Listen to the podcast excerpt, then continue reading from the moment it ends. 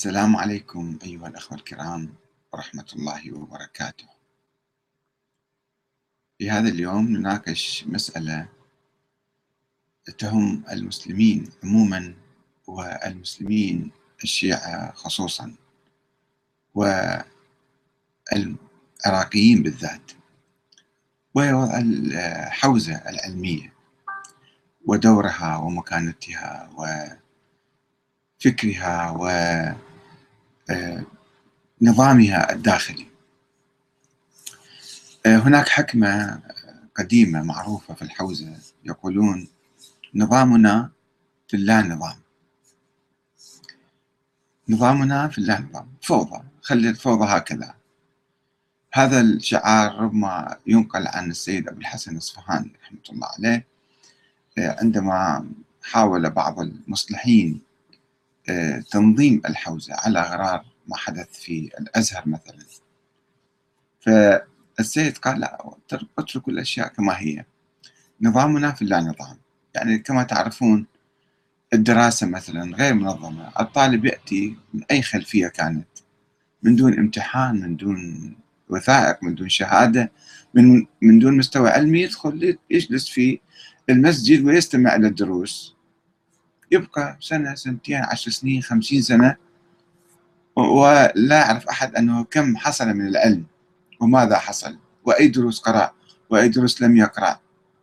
ربما يكون تضخم في مادة معينة يقرأ فيها كتب كثيرة ومادة مادة أو مواد أخرى لا يدرس فيها أي شيء ولا يفهم لا في السياسة لا في المجتمع لا في الاقتصاد لا في القانون لا في كذا. ثم يصبح مرجع هذا الشخص. فهل هذا صحيح؟ هل هذا النظام يعني مفيد؟ للشيعة والمسلمين والعراقيين أنه يكون في لا نظام. أم لابد من يعني التفكير في وضع الحوزة. المرجعية الفردية. مرجع يصعد وعنده خبرة وعنده تجارب ثم يموت. يأتي مرجع آخر من زاوية أخرى من مكان آخر أو من بلد آخر وهو لا ليست له علاقة بتلك الخبرة وتلك يعني التجربة ما يرثة. فالتجارب العلمية والسياسية لا تتمحور ولا تتمركز ولا تربو ولا تنمو بالتالي وبالتالي على كل مرجع أن يبدأ من الصفر. هناك يعني في الحقيقة قضايا كثيرة في الحوزة. القضية الفكرية القضية العلمية التعليمية يعني دروس القضية المالية القضية السياسية القضية الاجتماعية. يعني مسائل كثيرة بحاجة إلى تفكير. بعض الناس يقولون لا دع الأمور كما هي لا تفكر. وفي واحد يدير الحوزة من وراء الغيب. وهناك كثير من المصلحين منذ عشرات السنين في الحقيقة حاولوا القيام بإصلاح الحوزة وتنظيمها. وقدموا محاولات كثيرة. كلية الفقه في النجف مثلا منتدى النشر في النجف. هذه كلها كانت محاولات لتطوير الحوزة تنظيمها تكون تؤدي رسالتها على أفضل ما يكون. في في مقابل المراكز الدينية الإسلامية والمسيحية. شوفوا أنتم مثلا الكنيسة المارونية في لبنان مثلا. شبه دولة. عندها يعني علاقات عامة عندها نظام للتدريس عندها فكر معين عندها نظام معين لانتخاب المرجع مالهم أو البابا يعني في في الفاتيكان دولة الفاتيكان. فلذلك كانت هناك محاولات عديدة ومن هذه المحاولات الدعوة إلى تنظيم انتخاب المرجع كما ينتخب البابا يعني. انتخاب بابا للشيعة أو يعني خلق فاتيكان شيعي بالنجف. النجف تكون يعني تنتخب المرجع وتهتم يعني تكون دولة دولة مصغرة. والأستاذ محمد سعيد الطريحي صاحب مجلة الموسم كان له بحث يعني في هذا الموضوع ودعوة إلى تأسيس آه، دولة الفاتيكان في النجف. يعني دولة المرجعية في النجف. وأن النجف كلها تكون آه، شبه دولة يعني. لها استقلاليتها ولها ميزانيتها الاقتصادية ولها كل شيء يعني. وأيضا هناك بالمراجع السيد محمد حسين فضل الله رحمة الله عليه أيضا طرح هذا الموضوع أنه تكون تنظيم يعني لما نقول فاتيكان أو نقول بابا ما نعني نفس الشيء. إنما شيء يعني قريب من هذا يكون وضع الحوزة منظم وعملية انتخاب المرجع منظمة. و يعني حتى السيد محمد سيد محمد باقر الصدر أيضا حاول كتب شيء في هالقبيل في الموضوع هذا حتى لإصلاح. كل واحد يعني من أبناء الحوزة الحريصين عليه والواعين. يعني هناك ناس يدخلون في الحوزة لا يفكرون أصلا لا يفكرون لا بالمشاكل الموجودة ولا في الأزمات ولا في الوضع السيء ولا في تطوير الحوزة نحو الأفضل ما يفكرون. فهذا لا نتكلم معهم. ولكن هناك آه، يعني علماء مروا في الحوزة ولاحظوا النواقص والسلبيات وطمحوا إلى تطويرها إلى إصلاحها نحو الأفضل. فيعني شغلوا دماغهم وكتبوا بعض آه، المقترحات. إحنا الآن نمر على هذه المقترحات ونشوف آه، مدى فائدتها ومدى ضرورتها وماذا يمكن أن نعمل حتى إذا لم نقبل هذه المقترحات ورفضناها مثلا. فما هو الحل الأفضل لتطوير الحوزة تطوير المرجعية نحو الأفضل؟ حتى لا يتم التلاعب فيها بصورة خفية مثلا هل هناك ضرورة لتأسيس مرجعية بابوية وإقامة فاتيكان شيعي في النجف؟ ما هي الفوائد وما هي الأضرار؟ تنقسم المرجعية الدينية الشيعية إلى تيارين رئيسيين هما المرجعية الفقهية البحتة كمرجعية الإمام الخوئي وبعض تلامذته الذين ينكبون على دروسهم فقط يعني ولا يفكرون بعد أكثر من ذلك. وإذا واحد سألهم سؤال يجاوبوه جواب فقهي. وأيضا هناك خط آخر في الحوزة المرجعية السياسية الملتزمة بنظرية ولاية الفقيه. ويمكن اعتبار الثاني التيار الثاني تطورا حديثا نشأ في المرجعية وأعطى لها صبغة سياسية. وبينما لم يكن التيار الفقهي يشعر بحاجة كبيرة إلى التنظيم والمأسسة. ما دام الأمر يقتصر على عملية الفتوى والإرشاد عملية بسيطة عالم دارس متعلم وناس يسألوه ويجاوبون. هذا هو دور المرجعية. فإذا ليست ليست بحاجة إلى لا تطوير ولا تنظيم ولا محزنون التيار الثاني كان يشعر أكثر من ذلك يشعر بضرورة التطور والترشيد. من هنا دعا المفكر الراحل السيد محمد باقر الصدر رحمة الله عليه في السبعينات في مقال له تحت عنوان المرجعية الموضوعية. دعا إلى تأسيس أجهزة علمية ومالية وإدارية وسياسية تابعة للمرجع من أجل تنظيم عمل المرجعية وعلاقاتها العامة وتدقيق الحسابات المالية ونقل الخبرات للمراجع القادمين. مو يموت المرجع وينتهي كل شيء. وأطلق على المرجعية القائمة آه، اسم المرجعية الذاتية يعني شخص واحد. مرجع آه، آه، مرجعية تدور حول شخص واحد. وطالب بتطوير شكل الممارسة للعمل المرجعي وتشكيل مجلس يضم علماء الشيعة. وربط المرجع بهذا المجلس. المجلس انتخب هذا المرجع. من أجل صون العمل المرجعي من التأثر بالانفعالات الشخصية وتنفيذ سياسة المرجعية الصالحة التي تقرر من خلال ذلك المجلس.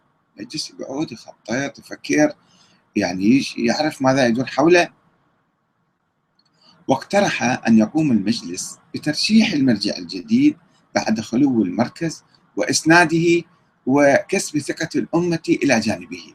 يسند على المرجع الجديد. كما انتقد طريقة تعامل الوكلاء مع الحقوق المالية الشرعية الأخماس والزكوات وأخذ النسب المئوية من تلك الأموال في الثلث أو الربع. اللي معتادين عن كل المراجع وكل وكلاء يسوون الشكل يعني 99% منهم. مما يجعل علاقة الوكيل بالمرجعية كعلاقة عامل المضاربة بصاحب رأس المال. يعني هذا قال هذا مو صحيح الشكل واقترح أن تسلم الأموال كاملة إلى المرجعية وتقديم رواتب شهرية للوكلاء. يقول الشيخ محمد رضا النعماني مؤلف كتاب آه، الشهيد الصدر سنوات المحنة وأيام آه، الحصار أن أن السيد محمد باقر الصدر كان يسعى لإحداث تغيير في كيان الحوزة والمرجعية من الأساس بما يلبي الحاجات الحاضرة والمستقبلية وبما ينسجم مع متطلبات العصر والحياة. ومنذ ذلك الحين لا يزال الجدل مستمرا في صفوف الحوزة والمرجعية بين داع للتنظيم ورافض له خاصة بعد بروز شخصيات مرجعية غامضة ومنعزلة لا تواكب حركة المجتمع أو لا تتمتع بمواصفات قيادية عالية أو مشكوك في علميتها أو في تقواها أو حدوث وحدوث صراعات سلبية بين أتباع عدد من المراجع إلى درجة التشكيك باجتهاد بعض المرشحين المرجعية أو سلامة عقيدتهم. منحرفين ضالين. إضافة إلى ضياع كميات كبيرة من المال بعد وفاة عدد من المراجع وانتقالها إلى أولادهم وأقربائهم واعتبارها إرثا شخصيا.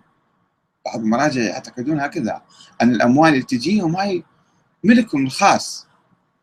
هذه الناس يعطوها لهم. وليس مالا عاما يجب نقله إلى المراجع الجدد. لذلك يتصرفون فيه كما يشاءون. يقول السيد محمد حسين فضل الله في كتابه آراء في المرجعية الشيعية. إن مشكلة المرجعية في كل تاريخها أنها كانت شخصا وتعتمد على مستوى هذا الشخص. وعلى مبادراته وعلى سعة أفقه والظروف والأشخاص المحيطين به. ومن هنا فإننا في الوقت الذي نؤكد أن المرجعية في كل تاريخها قامت بمبادرات مهمة لكنها لم تفكر بأن تتحمل مسؤولية التشيع أمام كل المتغيرات الواقعية على المستوى السياسي والثقافي والاجتماعي والاقتصادي وعلى مستوى التطورات التي انطلقت في العالم. إننا نعتقد أن المرجعية مع كل احترامنا للأشخاص الذين يتحركون في دائرتها أو يشرفون عليها أو يقودونها لا تستطيع أن تواجه تطورات العصر ولذا فهي تعيش انكماشا في دائرتها الخاصة في نطاق الفتوى أو في نطاق بعض الأعمال التي تتحرك هنا وهناك أعمال اجتماعية وثقافية. لهذا علينا أن نفكر في ضرورة أن تتحول المرجعية إلى مؤسسة دون أن تفقد العناصر الذاتية التي تفرضها الخطوط الشرعية في من يجب أن يكون المرجع وفي طبيعة ارتباط الأمة بالمرجع.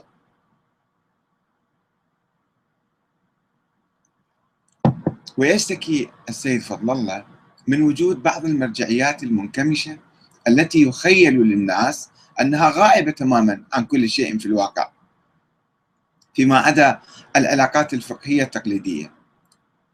لدرجة أنها لا تشارك حتى في القضايا الثقافية العامة. في شبهات في كتب في قضايا أصلا ما يبحثون هذا الشيء هذا.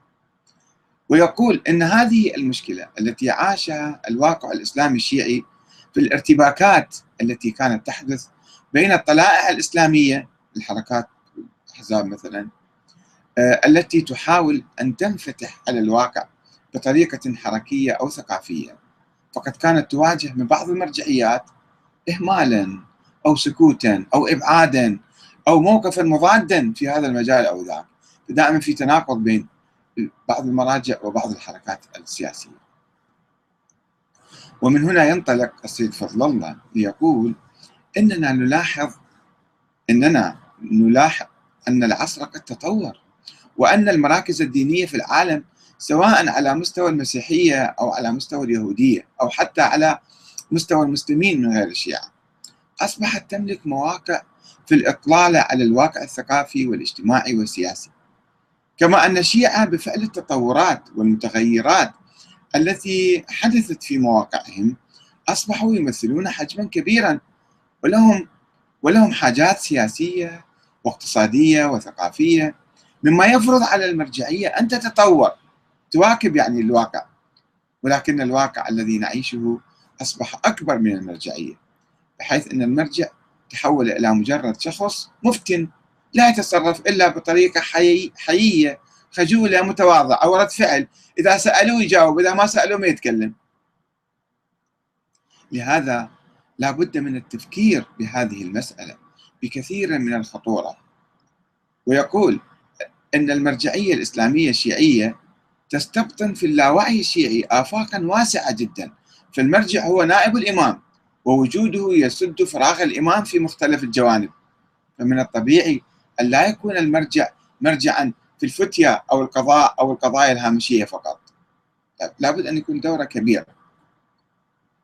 ويرفض سيد فضل الله أن تكون المرجعية شخصية خاضعة لخصوصيات المرجع حسب مزاجه يعني. ويطالب بأن تكون مؤسسة تختزن تجارب المراجع السابقين. ليبدأ المرجع الجديد من حيث انتهى المراجع آه، السابقون. ويقول إن المرجعية تحتاج إلى ذهنية واسعة ولا بد أن تنطلق من خلال مؤسسات.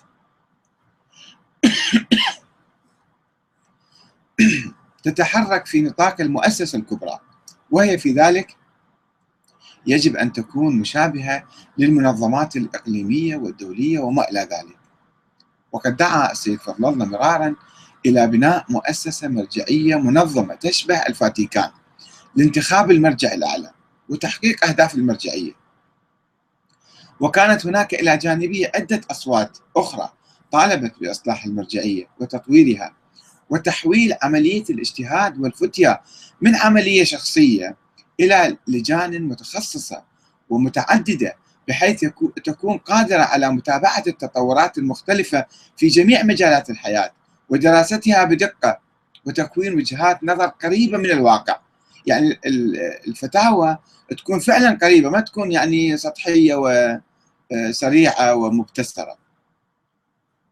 وكانت هناك إلى جانبه عدة آه، آه، أصوات ومع ومع أن التطور السياسي للمرجعية قبل تأسيس الدولة الإسلامية الجمهورية الإسلامية وبعدها كان يستلزم إحداث تطورات إدارية في هيكل الحوزة والمرجعية من حيث برامج التعليم أو انتخاب المرجع الأعلى وإحداث مؤسسة للمرجعية إلا أن كثيرا من المراجع عارضوا ويعارضون هذه الفكرة ورفضوا ويرفضون التحول إلى مؤسسة رسمية بسبب عدم إيمان كثير من الفقهاء الشيعة بنظرية ولاية الفقيه أو ضرورة تولي المرجع للشؤون العامة. يقول هذا مو شغلنا. شغلنا إحنا فقط الإفتاء. وأما الحوادث الواقعة فارجعوا فيها إلى رواد حديثنا.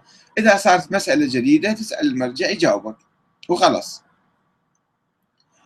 حيث لا يزال البعض يعتقد باقتصار دور الفقيه على الأمور الفقهية.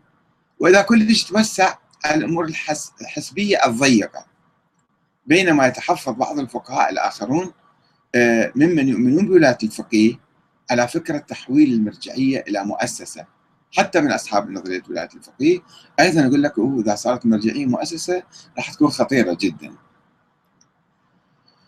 خوفا من تدخل السياسيين والحكومات المختلفة في المرجعية أو خوفا من القضاء على الحرية والطريقة التقليدية الشعبية التي يتم فيها انتخاب المرجع.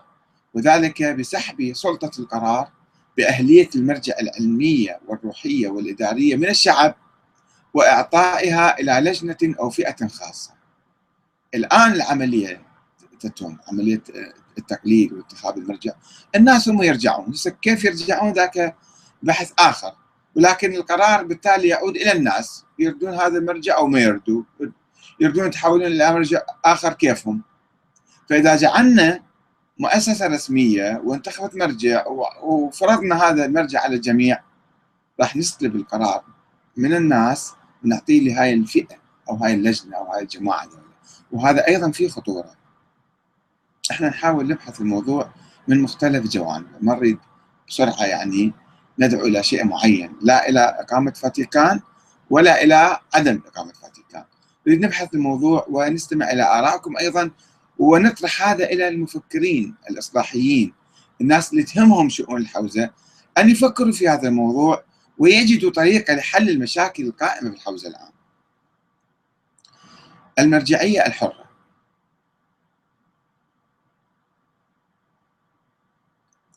ويقول بعض المطلعين أن اقتراح إقامة مؤسسة للمرجعية بعيد عن واقع المراجع الحاليين.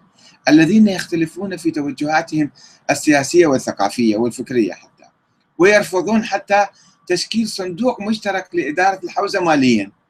ما متفقين على هذا الشيء. كل واحد يعطي فلوس التلاميذ كما يشاء. فكيف يمكن أن يجتمعوا على انتخاب أحدهم مرجعا وحيدا ويلملموا بقية المرجعيات العاملة في الساحة وبعد ما يأخذون فلوس وكل الفلوس يجيبوها لهذا المرجع؟ مو معقولة. ما حد يقبل. المراجع الآخرين ما يقبلون. كل مرجع هو طارح نفسه إلى متى يصير هو المرجع الأعلى وكم يحصل من الأموال. مرة يجي يدعو إلى كل جماعته ومقلديه اتركوني واذهبوا إلى ذلك المرجع. المعقول هذا الشيء الممكن عمليا الواقع الشيعي يسمح بذلك؟ العلماء يسمحون؟ لا يسمحون.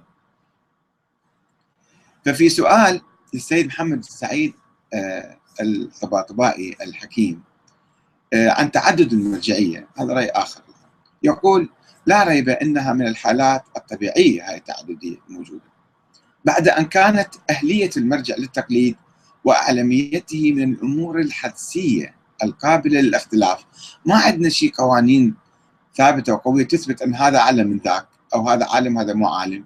كلها أمور ظنية حدسية هذا عالم أو مو عالم الحدث فإذا خلي كل واحد يمشي على رأيه.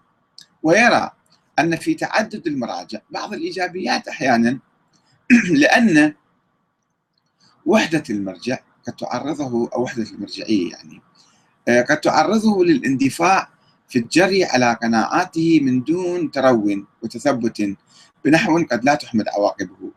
كما أنها قد تضفي عليه حالة من الجلالة والقدسية. هو المراجع الآن ما مجمعين عليهم الناس وعندهم حالة قدسية. فكيف إذا قرروا كل مراجع انتخاب واحد معين مثل بابا مثلا. كل الكرادي اللي يجتمعون وينتخبون واحد خلص هذا صار ناطق بسم الله تعالى. فإذا انتخبنا فد مرجع هكذا. وأجمعوا عليه الناس كلهم بحس عنده حالة مقدسة حالة كبيرة جدا بعد أحد ما يقدر يتكلم معاه. يعني التفت لنقطة جدا مهمة سيد محمد سعيد الحكيم. يقول كما أنها قد تضفي عليه حالة من الجلالة والقدسية تجعل من سيرته سنة ثابتة حتى في المستقبل لا يمكن الخروج عنها وتمنع من النظرة الموضوعية لها وإخضاعها للنقد والتعديل بل قد يتعدى ذلك لآرائه الفقهية يصير حكم إلهي يعني ثابت. بنحو يعيق عملية الاجتهاد من بعده ويقول على كل حال أن المرجعية بكل سلبياتها تبقى هي الحل الأفضل. بعد أن تعذرت المثالية الكاملة بفقد المرجعية المعصومة ما عندنا أئمة معصومين الآن. فإذا إحنا خلي هذا على ما هي عليه خلي بها سلبيات مو مشكلة. رأي أيضا رأي وجيه ترى.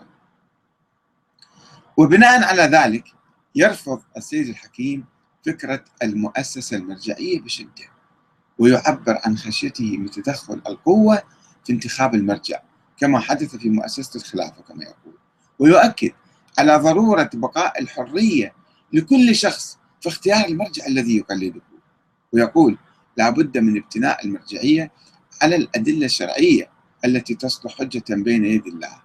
أما المرجعية المؤسساتية حيث يفترض انحصار الشرعية بمن تختاره هاي المؤسسة فلا يمكن فعاليتها دينيا.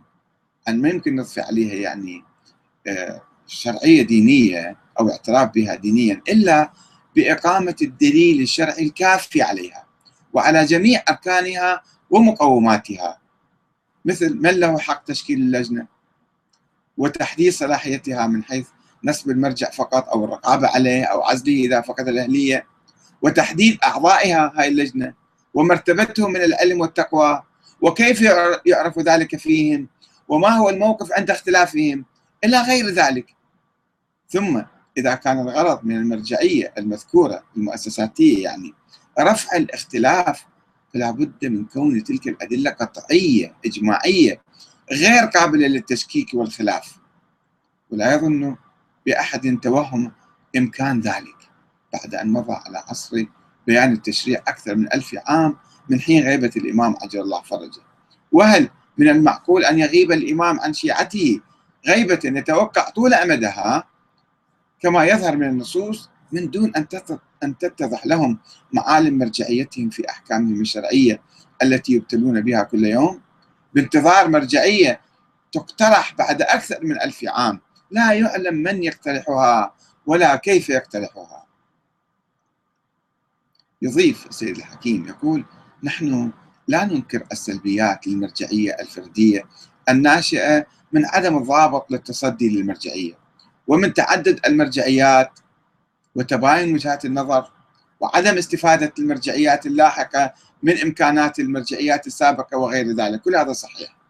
إلا أن ذلك لا ينبغي أن يؤجج العاطفة نحو التغيير من دون موازنة بين البديلين ومقارنة إيجابياتهما وسلبياتهما. والتدبر في الأصلح منهما. والأجدى عمليا. فكم جر الاندفاع العاطفي إلى مآس وفجائع لا تدارك لها. وإن هذه المرجعية مع الحالية يعني النظام الحالي للمرجعية مع ما فيها من سلبيات قد أثبتت جدارتها في قيادة التشيع وتكامل كيانه ورفع شأنه والحفاظ على واقعيته من دون أن يسير في ركب القوى العالمية الفاعلة ويخضع لها أو يتجمد أمامها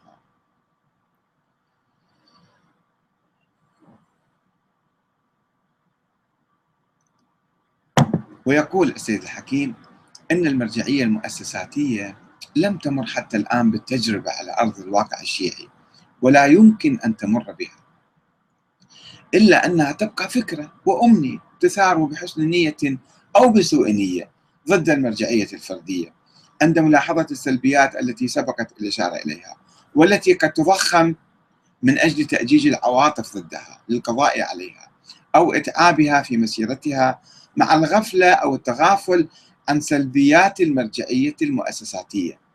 وأهمها هذه السلبيات أن حصر حق القرار بمؤسسة خاصة يحمل المنحرفين للتسلل إلى تلك المؤسسة لأنهم وحدهم القادرون على سلوك الطرق الملتوية من الغش والرشوة والكذب والتهريج والتشنيع والتخويف. يعني في داخل الحوزة السيد الحكيم يتوقع هؤلاء ناس منحرفين اللي ما عندهم دين يدخلون هاي المؤسسة وبالتالي يسيطرون عليها. وغير ذلك مما يترفع عنه ذوي المبادئ وأهل الاستقامة فإذا تسللوا وسهل عليهم السيطرة على المؤسسة واستحصال قراراتها لصالحهم بطرقهم الملتوية ينتخبوا واحد اللي هم يردوه يستطيعون حينئذ حرف مسيرتها والتخلي عن مبادئها. ولم يخشوا إنكار المنكرين بعد أن كان القرار لهم وحدهم ولا شرعية لحديث غيرهم. هم خلص بعد هم مسيطرين رسميين صاروا. ومن هنا يسهل على الأعداء التسلل للمؤسسة بأنفسهم. اشتروهم. أو بمن يتعاون معهم من المنحرفين ومرضى القلوب ثم السيطرة عليها وتسييرها لصالحهم. ويكفينا عبرة ودليلا على ذلك أن ننظر إلى المؤسسات الدينية لمختلف الأديان والإنسانية والحكومية آه، والدولية لنجدها لنجدها قد انحرفت عن أهدافها النبيلة التي كان من المفروض أنها قد أسست من أجلها بل تخلت عنها لتكون من مؤسسات الشرور والفساد. فعلا كلام معقول ترى جدا.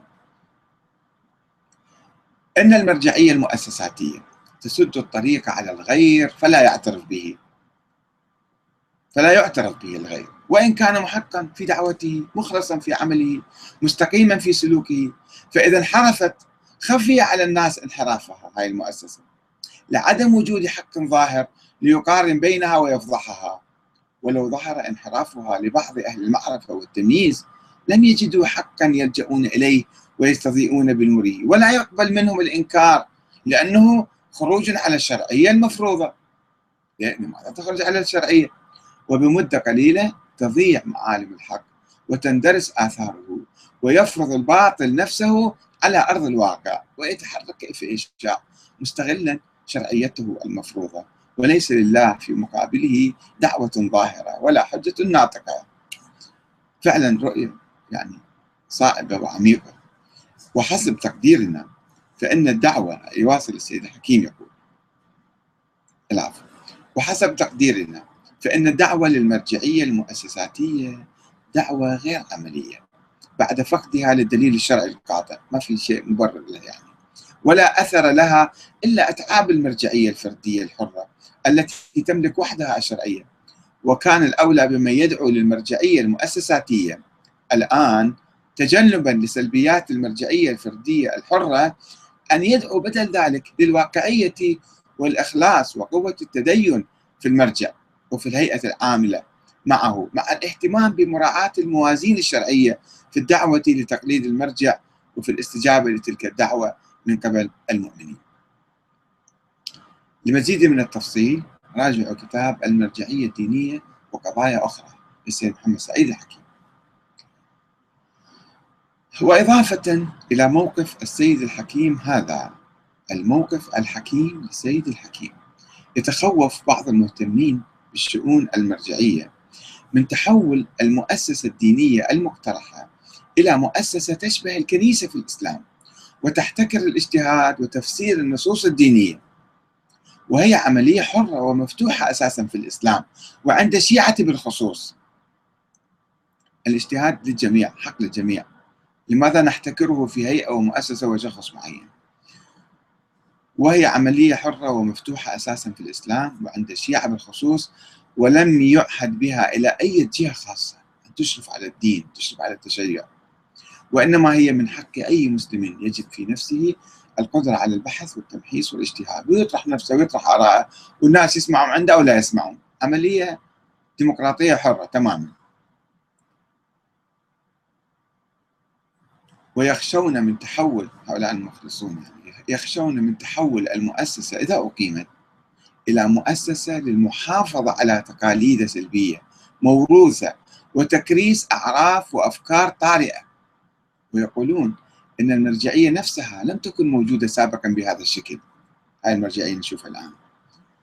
آه، ولا أدوارها اللي تقوم بها وإنما ولدت في غياب الدولة في ظروف استثنائية. الشيعة كانوا يؤمنون بنظرية التقية والانتظار وعدم إقامة الدولة فولدت المرجعية لكي تسد بعض الفراغ في عصر الغيبة الكبرى. ما يسمى عصر الغيبة الكبرى.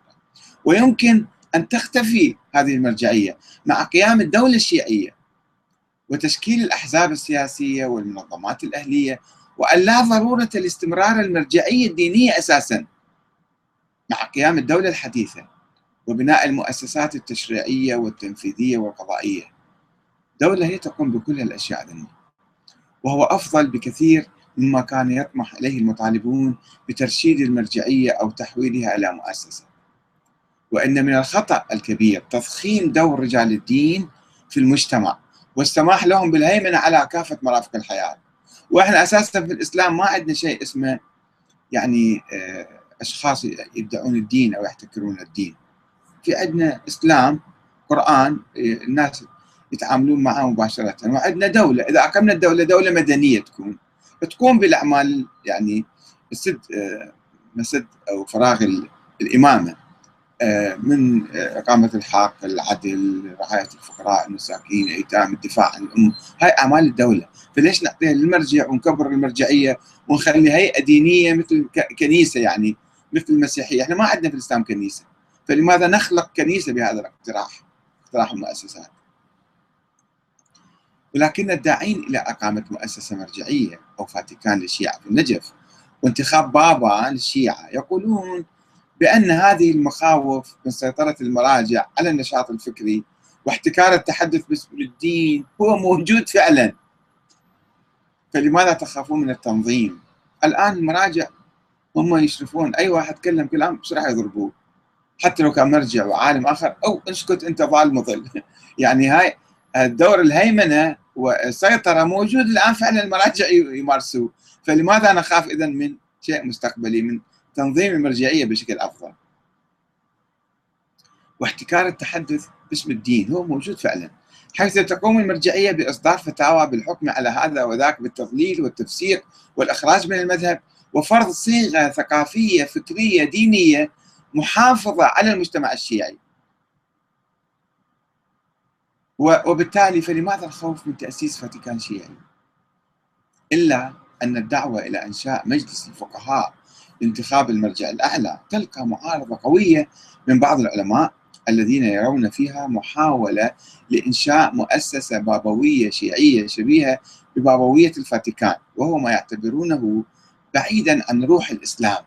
الذي يفتح باب الاجتهاد للجميع ويرفض الكنسية أو الوصاية على الدين ويقول إن المساجد لله لا تدعو مع الله أحدا. لكن الداعين لمؤسسة الاجتهاد وتنصيب مرجع أعلى للطائفة الشيعية في العالم كباب الفاتيكان يروا يبررون ذلك بوجود نوع من القداسة والهالة الدينية للفقيه.